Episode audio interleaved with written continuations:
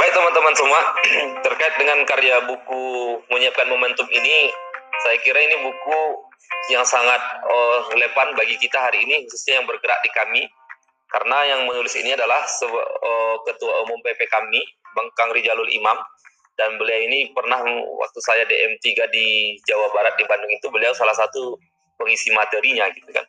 Dan saya pun tertarik memahami apa namanya membaca buku ini dan mengetahui buku ini waktu itu memang setelah ikut oh, DM3 di Jabar dan ketika saya baca buku ini saya kira ini wah ini sesuatu karya yang bagus gitu kan.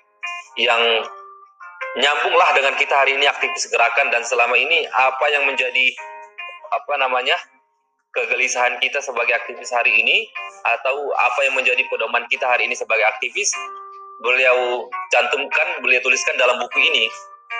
Dan karya menyiapkan momentum ini saya pikir bagi teman-teman aktivis gerakan ini sesuatu yang mesti dan harus kita tidaknya harus baca gitu kan. Sehingga kita mengenali khususnya tentang kekambien itu sendiri gitu kan. Maka nanti kan di bab ini akan ada spesifik membahas tentang tafsir muslim negarawan gitu kan. Yang memang kenapa di hari ini kita kami memilih tagline apa namanya mengisbahkan diri kita sebagai muslim negarawan.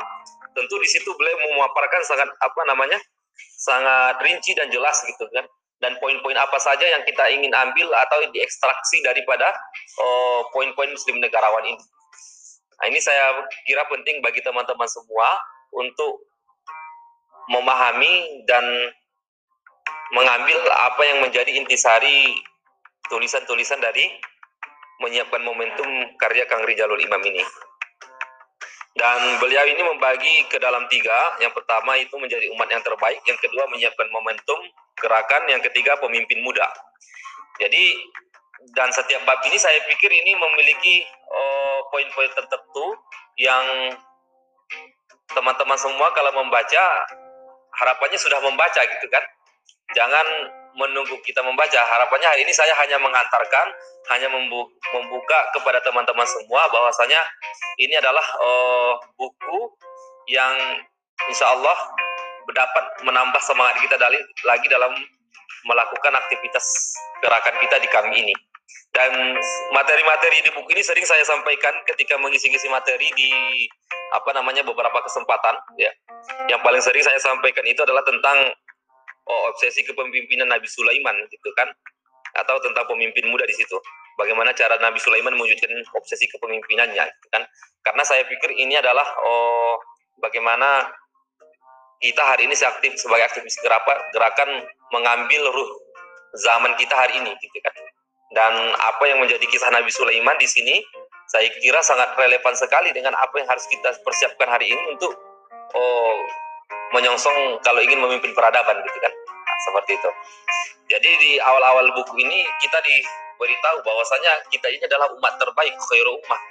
Kuntum khairu ummah. Kerja dinas tak muru nabil ma'ruf wa yanhauna 'anil munkar. Jadi beliau mengingatkan kepada kita kembali bahwasanya kita ini adalah memang umat terbaik gitu kan. Khairu ummah itu kita adalah umat terbaik itu. Umat terbaik ya dalam artian ada kategori yang diberikan kepada kita kalau ingin oh ingin menjalankan ataupun mendapatkan predikat gelar wiro ummah tadi kan?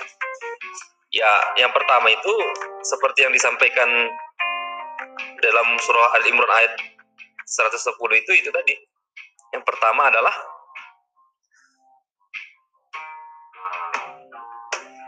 kita progresi melaksanakan dan mendukung proyek-proyek kebaikan atau tak murunabil makruh gitu kan. Jadi ini kategori ataupun ciri-ciri umat terbaik itu artinya ikut terlibat dalam peradaban, membangun sebuah peradaban gitu kan. Kemudian yang kedua adalah berani memberantas dan mencegah berbagai proyek keterbelakangan dan keterburukan gitu kan. Atau dalam artian wayan hauna anil mungkar. Dan yang ketiga adalah aktif meningkatkan hubungan keimanan kepada Allah semata. Gitu kan. Artinya ini kita meningkatkan kapasitas ruhi kita gitu kan, sebagai seorang muslim. Maka hari ini kita di kami gitu kan mengambil juga semangat ini dalam melaksanakan ataupun melaksanakan agenda kita di kami gitu kan. Makanya kita mengambil sebuah oh, apa namanya karakteristik gerakan adalah harakatul tajanid wa harakatul amal. Ya. Jadi dalam filosofis kami itu ada namanya karakter gerakan. Maka karakter kita adalah harakat tajanid wa harakatul amal. Artinya adalah kita gerakan pengkaderan dan juga gerakan amal, kan? Maka ini diimplementasinya implementasi daripada apa namanya oh, meningkatkan kapasitas ruyah kita, keimanan kita ya di situ tadi di harakatul tajdid itu di pengkaderan itu. Maka pengkaderan yang kita lakukan kan bukan hanya sekedar, sekedar apa namanya perekrutan ya tidak, tapi ada pembinaan ya. Pembinaan adalah agar tercapainya IJDK kader ya tidak. Indeks jati diri kader. Yang sudah AB2 angkat kaki. Ya, kalau biasanya mau AB2 ada namanya IJDK. Sebetulnya pasca DM1 itu sudah ada IJDK. Yang harapannya adalah di situ tadi kita ingin melihat dalam proses keperjalanan MK klasikal yang kita laksanakan, eh, MK khos yang kita laksanakan selama enam bulan ini, apakah meningkatkan kapasitas dia atau keimanan dia kepada Allah Subhanahu Wa Taala? Maka kami mengambil semangat ini dalam oh, ikut mengambil peran sejarah untuk membangun peradaban ke depannya ya salah satunya mengikuti ini gitu kan? Yaitu meningkatkan hubungan keimanan ke Allah semata. Kemudian harakatul amalnya itu yaitu tadi tak muru nabil makhluk wayan hauna anil mungkar ya itulah gerakan kita. Bagaimana kita hari ini hadir di gerakan-gerakan sosial masyarakat menyuarakan apa yang menjadi kegelisahan ataupun oh, penderitaan masyarakat gitu kan. Kitalah sebagai corongnya hari ini. Makanya kita juga memilih kesatuan aksi ini adalah sebagai memang kita gerakan yang betul-betul apa namanya bertindak secara langsung untuk menyampaikan apa yang menjadi permasalahan dan keresahan daripada oh, masyarakat hari ini gitu kan. Permasalahan negara kita hari ini. Ya, setidaknya permasalahan oh, yang ada di sekitar kita kan khususnya di kampus misalnya. Maka kami harus mengambil, mengambil peran harapatul amalnya itu harapatul amalnya itu di sana kan. Tak muru nabil makruh wayan hauna anil mungkar maka di situ apa namanya oh, relevansinya dengan gerakan kita hari ini. Dan teman-teman semua oh, ketika kita ingin mempersiapkan diri atau ingin mendapatkan predikat khairah ummah ini tadi maka teman-teman ya bagaimana memenuhi tiga kriteria ini dan itu Allah sampaikan sendiri dalam Al-Quran ya kan tak muru nabil ma'ruf wa anil mungkar dan meningkatkan keimanan kita. Waktu minuna billah. Maka ada sebuah teori yang dibuat oh, besar di sini oleh Kang Rijal bahwasanya sebuah peradaban yang tidak menguasai peradaban lawan akan merasa takut dengan lawan. Akhirnya lawan itulah yang menguasai peradaban secara utuh. Ini berawal daripada apa namanya kunci rekonstruksi daripada pemikiran kita terkait bagaimana kita menghadapi tantangan zaman ke depannya gitu kan maka apa yang menjadi kelemahan umat Islam ini hari ini adalah ketidakpahamannya atau ketidakpakiannya terhadap oh, Islam itu sendiri gitu, atau pemahaman yang mendalam terhadap Islam itu sendiri gitu, kan. sehingga dia juga bingung apa yang menjadi oh, sesuatu yang harus dia perbuat gitu, kan. maka kami hari ini oh, mencoba bagaimana memang di Muslim negarawan itu juga salah satu poinnya adalah oh apa namanya seorang Muslim negarawan yang diharapkan itu adalah dia menjadi orang yang istilahnya memahami Islam itu secara sumul gitu kan. Bukan memahaminya secara parsial gitu kan.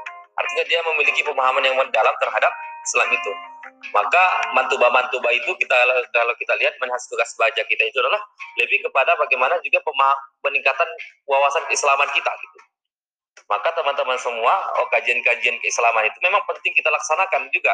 Selain juga kajian-kajian oh, biasa gitu kan, tapi kajian-kajian Islam baik itu masalah iman, masalah akidah, akhlak dan ibadah dan yang lain-lain juga perlu kita penting kita oh, apa namanya itu kaji ataupun kita pelajari. Sehingga memang lawan dari ketidakpastian itu kan kepakian kita sendiri gitu kan. Artinya semakin pagi kita terhadap agama kita ini, semakin memiliki pemahaman yang mendalam gitu kan.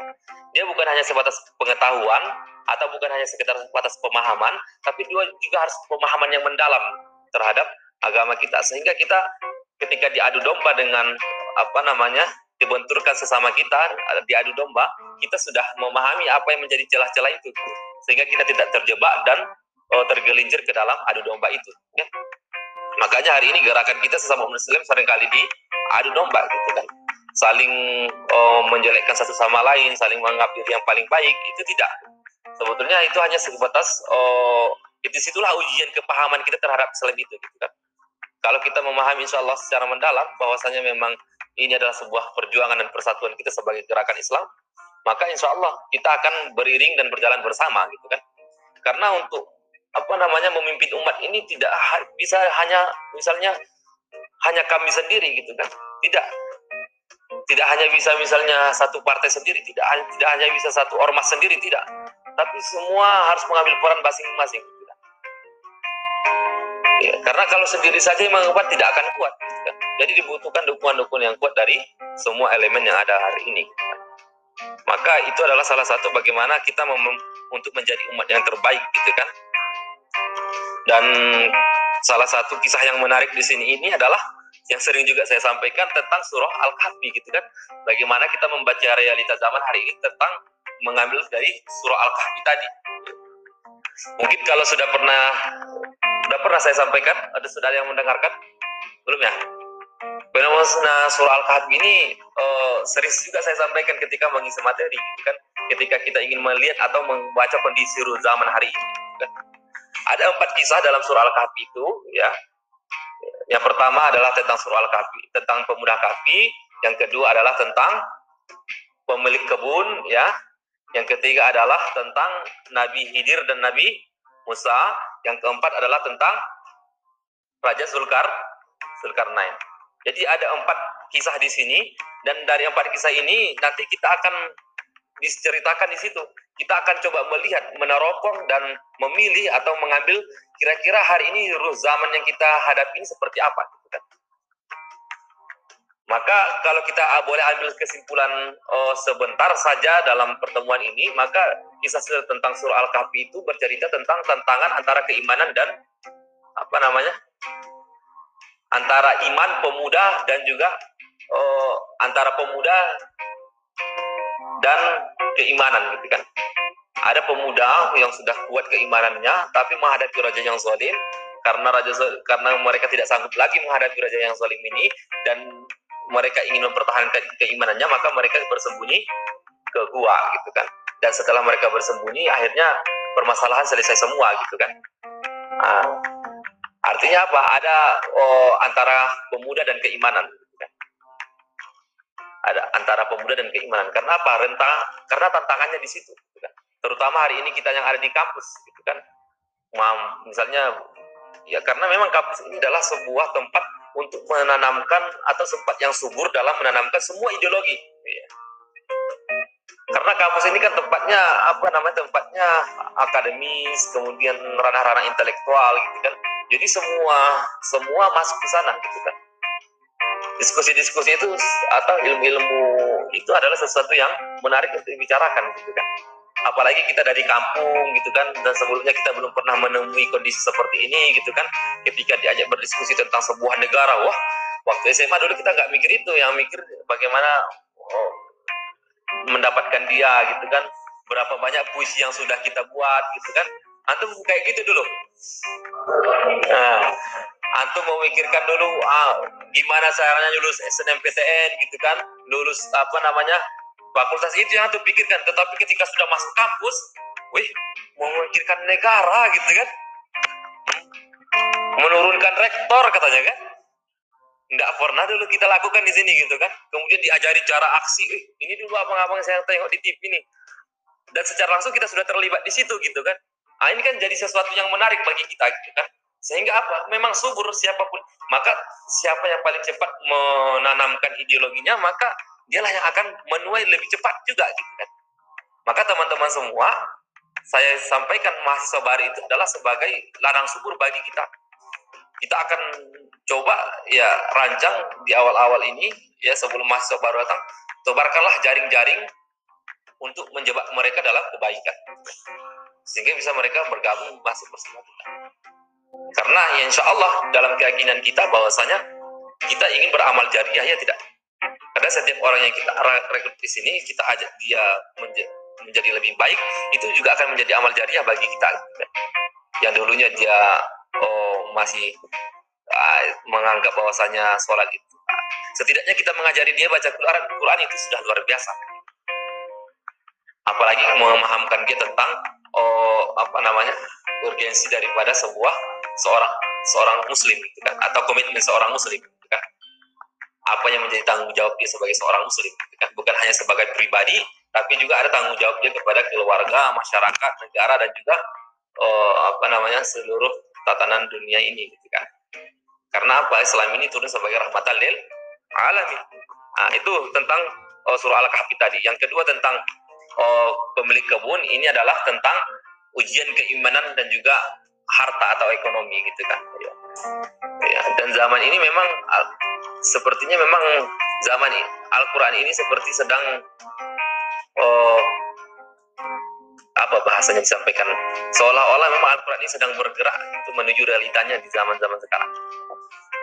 Jadi apa yang diceritakan dalam Al-Quran itu bukan hanya sebatas, sebatas sebatas kisah tapi juga seolah-olah dia sedang bergerak dan menuju realitanya. Dan memang iya gitu hari ini memang selain pemuda diharap, dihadapkan dengan tantangan keimanan gitu kan ya juga dihadapkan terhadap harta gitu kan. Ke, keimanan kita diuji terhadap harta. Maka kita semua alhamdulillah gitu kan bisa masuk dalam sebuah oh, organisasi ini yang tidak hanya mengedepankan gerakan organisasi saja tapi juga memperhatikan pribadi individunya gitu kan yang kita harapkan juga lahir apa namanya oh, kader-kader yang memiliki pandangan Islam yang oh, mutakamilah gitu, yang komprehensif. Maka DM1 itu ada materinya Simulatif Islam, gitu kan, makna syahadatain, gitu kan. Uh, dulu juga ada Ghazal Fikri juga dulu kalau nggak salah. Masih ya. Karena apa? Karena kita ingin oh, kita sebagai pemuda hari ini memiliki kekokohan iman, gitu kan. Iya. Karena apa? Karena ini tantangannya berat gitu kan sebelum kita menghadapi raja-raja yang zolim ini, ini sebelum nampak kezolimannya maka eh, sekarang ini ya kita kita kuatkan keinginan kita mungkin kita merasa hari ini belum ada tantangan berat tapi walau alam setahun dua tahun ke depannya seperti apa kan gitu atau mungkin di sekitar kita sudah kita temui juga gitu, terhadap ujian daripada keimanan ini gitu kan. Ujiannya banyak sekali gitu kan. Salah satunya juga harta gitu kan. Kemudian kisah Nabi Hidir dan Nabi Musa dan juga kisah Raja Zulkarnain ini akan panjang lagi. Antum nanti baca di situ, antum akan oh menarik sekali rupanya kisah antara Nabi Hidir dan Nabi Musa dan apa yang bisa kita ambil dari situ gitu kan. Ini lebih kepada oh apa namanya pemahaman ilmu. Kalau Nabi Hidir dan Nabi Musa ini lebih kepada bagaimana kita mengkombinasikan antara ilmu pengetahuan dan intuisi dan lain-lain. Kemudian kita masuk ke bab yang kedua, gitu kan. Ini yang tadi tentang khairul ummah. Jadi ini pengantar yang saya sampaikan. Yang kedua itu adalah tentang oh, menyiapkan momentum gerakan. Nah, ini juga sudah saya pernah sampaikan di berbagai kesempatan. Dalam menyiapkan momentum gerakan ini, ya kita harus melihat apa yang menjadi rumus momentum.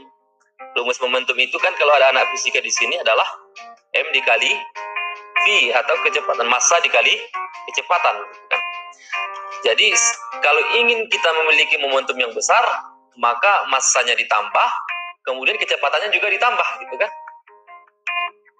Maka analoginya ke dalam gerakan kita hari ini, ketika ingin kita menyiapkan momentum perubahan besar di negara ini ataupun di dunia ini, maka perbanyak kadernya, masanya. Masa itu adalah kadernya.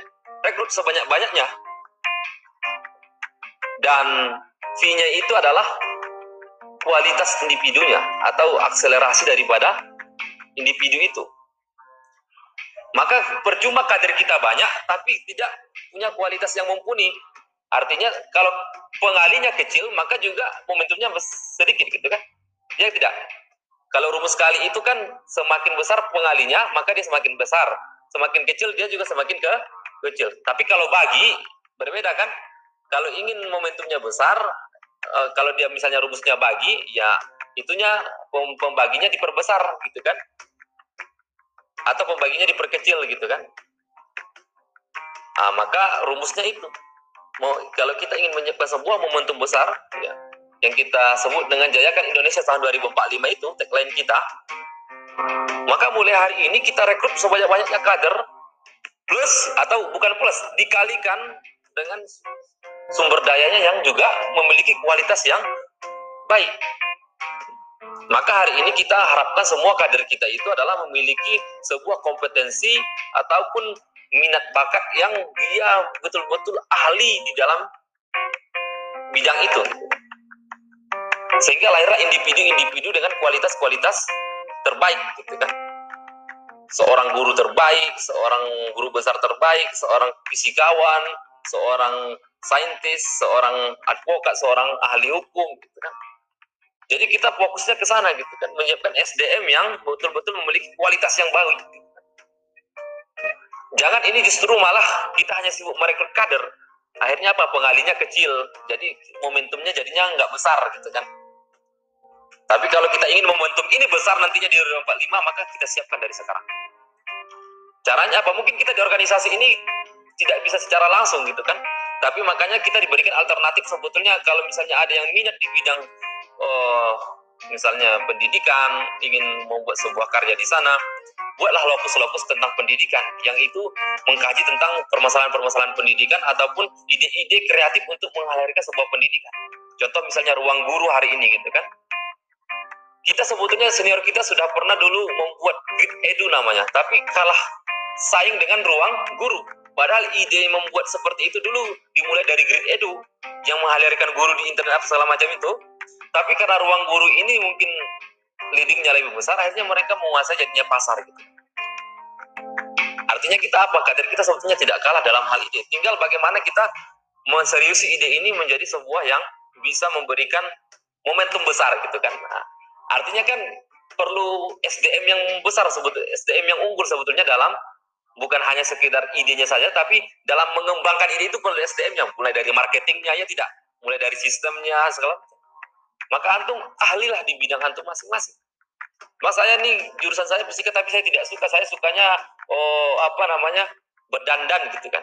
Misalnya saya suka makeup saya bisa makeup. Ya udah antum ahli makeup aja. Kalau mau kalau mau kalau ada gitu kan. Tapi antum menjadi ya setidaknya antum tukang makeup. Orang-orang pejabat-pejabat nanti kan atau yang lain-lain.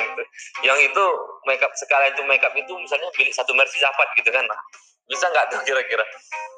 Bisa saya kalau antum punya memang ke, apa namanya kualitas yang bagus. Kayak misalnya orang berobat ke dokter gigi ya tidak banyak dokter gigi tapi kenapa si dokter gigi ini yang paling ramai gitu kan? Karena dia membuat apa namanya memiliki oh, kualitas yang unggul dibanding yang lain. Banyak guru kenapa misalnya misalnya banyak bimbel yang lain gitu kan? Kenapa orang lebih percaya kepada GO misalnya gitu kan? Dan yang lain. Maka teman-teman semua ini harus terus kita gali apa kira-kira kualitas unggul yang mau kita persembahkan untuk Indonesia ke depannya itu rumus dari kepada kunci menyiapkan momentum itu tadi. Ini pengantar. Dan ada di sana Allah mencintai para pemuda mengatur barisan 10 pikiran dasar kebijakan gerakan. Ah, ini juga antum baca ini 10 pikir gerakan ini antum coba baca gitu kan sehingga itu menjadi bekal antum nanti untuk menjadi oh, mengambil sebuah keputusan-keputusan dalam gerakan organisasi. Terutama ini tentang Allah mencintai para pemuda ini kisahnya ini tentang para nabi yang diangkat oleh Allah menjadi pemimpin itu adalah relatif mereka masih dalam usia muda gitu kan Artinya momentum kita untuk menjadi pemimpin itu adalah ya di sini di usia muda ini mempersiapkan pemimpin. Contoh misalnya Nabi Musa. Nabi Musa itu kan sebetulnya dia baru apa namanya diangkat menja apa apa namanya menjadi pemimpin itu setelah beliau menikah gitu kan. 10 tahun atau lima tahun setelah menikah beliau baru Allah jadikan sebagai pemimpin bagi kaumnya, sebagai nabi atau sebagai rasul. Karena pada awalnya sebelum itu dia masih menjadi pemuda biasa gitu kan, yang memiliki kekuatan luar biasa. Tapi karena suatu hal kejadian ditinjunya orang mati, akhirnya dia takut kejar Fir'aun, lari dia ke Madayan itu. Nah, jumpalah jodohnya di sana kan anak Nabi. Nabi siapa? Siapa mertuanya Nabi Musa?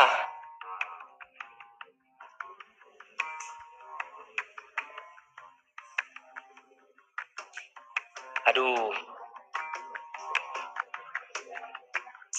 Mertuanya Nabi Musa? Iya. artinya di situlah dia bertemu dengan oh, oh, Nabi Harun gitu kan dan dia menikahi putrinya dan setelah Allah tidak artinya pembentukan karakter pemimpin itu berbeda-beda setiap nabi gitu kan? Ada ya Nabi Musa ya pembentukan karakter pemimpinnya itu setelah matangnya dia jadi pemimpin itu adalah setelah dia menikah 10 atau lima tahun ke persisnya seperti itu. Begitu juga dengan oh, Nabi Yusuf gitu kan? Matangnya kepemimpinannya itu dia masih muda waktu itu ketika dia juga masih dilempar ke sumur kemudian pindah ke istana dijadikan budak dipenjarakan. Setelah dia mengalami apa namanya pematangan atau kedewasaan diri dan siap jadi pemimpin akhirnya jadi bendarawan kan? Itu contoh-contoh bagaimana oh, Allah mencintai para pemuda. Maka hari ini ini momentum kita juga hari ini sebagai pemuda untuk bisa nanti aktif dan tampil sebagai pemimpin di masa yang akan datang. Maka persiapan kita proses diri kita pematangan diri kita ya mulai hari ini sedang di apa namanya proses gitu kan? Sedang berproses. Maka antum kalau berproses jangan lama-lama ya kalau misalnya antum mau cepat nikah nih cepat nikah aja biar prosesnya lebih cepat kan? Pematangan dirinya gitu lebih cepat gitu kan? Kemudian pemimpin muda. Ah, ini pemimpin muda ini oh di sana sudah ada tafsir muslim negarawan tadi ya kan? Ada poin-poin muslim negarawan yang menjadi apa namanya oh, basis gerakan kita hari ini gitu kan? Apa yang menjadi poin-poin kita dalam oh, meningkatkan kapasitas dan kualitas diri kita sebagai seorang muslim. Nanti ada tabel di situ ya, ada tabel di situ itu ekstraksi dari para muslim negarawan ini ya. Kalau antum sudah baca ada tabel nanti, nah itu insya Allah antum pahami, antum kaji lagi poin-poin itu dan dilakukan, insya Allah itu kita akan uh, memahami secara langsung apa yang menjadi semangat Muslim negarawan itu sendiri. Kemudian Nabi Sulaiman, ya obsesi kepemimpinan Nabi Sulaiman ini tercantum dalam surah apa namanya An-Namal gitu kan. An-Namal atau uh, setelah surah At-Taubah apa ya? Al-Aqrab atau nah. Setelah Taubah apa? Surah Yunus ya? Nah, pokoknya itu. Pokoknya setelah surat Taubah ini, jadi pembahasannya itu tentang cerita Nabi Sulaiman itu obsesi kepimpinan Sulaiman itu diceritakan di surah setelah surah Taubah itu. Bahkan penjelasan boleh itu kenapa misalnya di surah At-Taubah itu tidak ada Bismillahirrahmanirrahim itu, ya jadinya digantinya di oh, surah selanjutnya itu gitu kan. Kalau antum baca nanti di situ. Karena apa di surah Taubah itu penuh dengan cerita-cerita kesedihan perang daripada Rasulullah. Maka apa namanya sangat apa namanya tidak oh, pas rasanya ketika Allah membuat pengantarnya Bismillah di sana gitu katanya dalam buku ini kan karena bercerita tentang kesedihan-kesedihan dan peperangan-peperangan Rasulullah. Maka di surah an, selanjutnya An-Namal atau An-Namal ya atau apa ya? Hah? Al-Anfal. Hmm. Setelah ya surah Anas ya. Ya di surah Yunus itu itu sampai dua kali Bismillah ya. Bukan ya? Pokoknya nanti ada penjelasannya di situ. Saya lupa-lupa ingat. Nah, jadi itu tentang obsesi kepemimpinan Nabi Sulaiman. Kemudian masuk kepada fikih humas gerakan juga. Fikih humas gerakan ini nanti bercerita juga bagaimana kita oh, melakukan sebuah fungsi daripada kehumasan. Yang juga sering saya sampaikan bahwasanya humas itu bukan hanya struktur humas tapi semua kader ini humas. Kita ini humas gerakan. Fungsinya apa? Uh, image building, membangun image. Yang kedua adalah relationship atau uh, apa namanya? Uh, relasi. Kemudian yang ketiga adalah jurnalistik, gitu kan? atau fungsi dari menyampaikan berita yang artinya untuk mengkantor berita-berita yang misalnya suatu saat menjelekkan kita ataupun mengarahkan kepada oh, apa namanya pembusukan organisasi misalnya maka seperti mulis misalnya dihukum gitu kan maka ketika menghadapi dinamika pemilihan itu sebetulnya ya kita counter dengan berita-berita yang kita tulisan kita sebetulnya lebih kokoh dan tajam daripada misalnya teman-teman yang ingin kita berargumen di sana gitu kan. Kita lihat contoh ketika misalnya di Indonesia itu adu argumennya antara Soekarno dengan Nasir itu ya melalui tulisan itu kan hanya lebih elegan dan lebih oh intelektual seperti itu maka kita juga harapannya seperti sebagai kader melatih jiwa jurnalistik kita Kemudian yang terakhir ada kunci-kunci belajar di sana. Ya, kunci-kunci belajar itu adalah oh, apa yang menjadi oh, tips-tips sebetulnya kepada kita untuk mempersiapkan diri kita dan melejitkan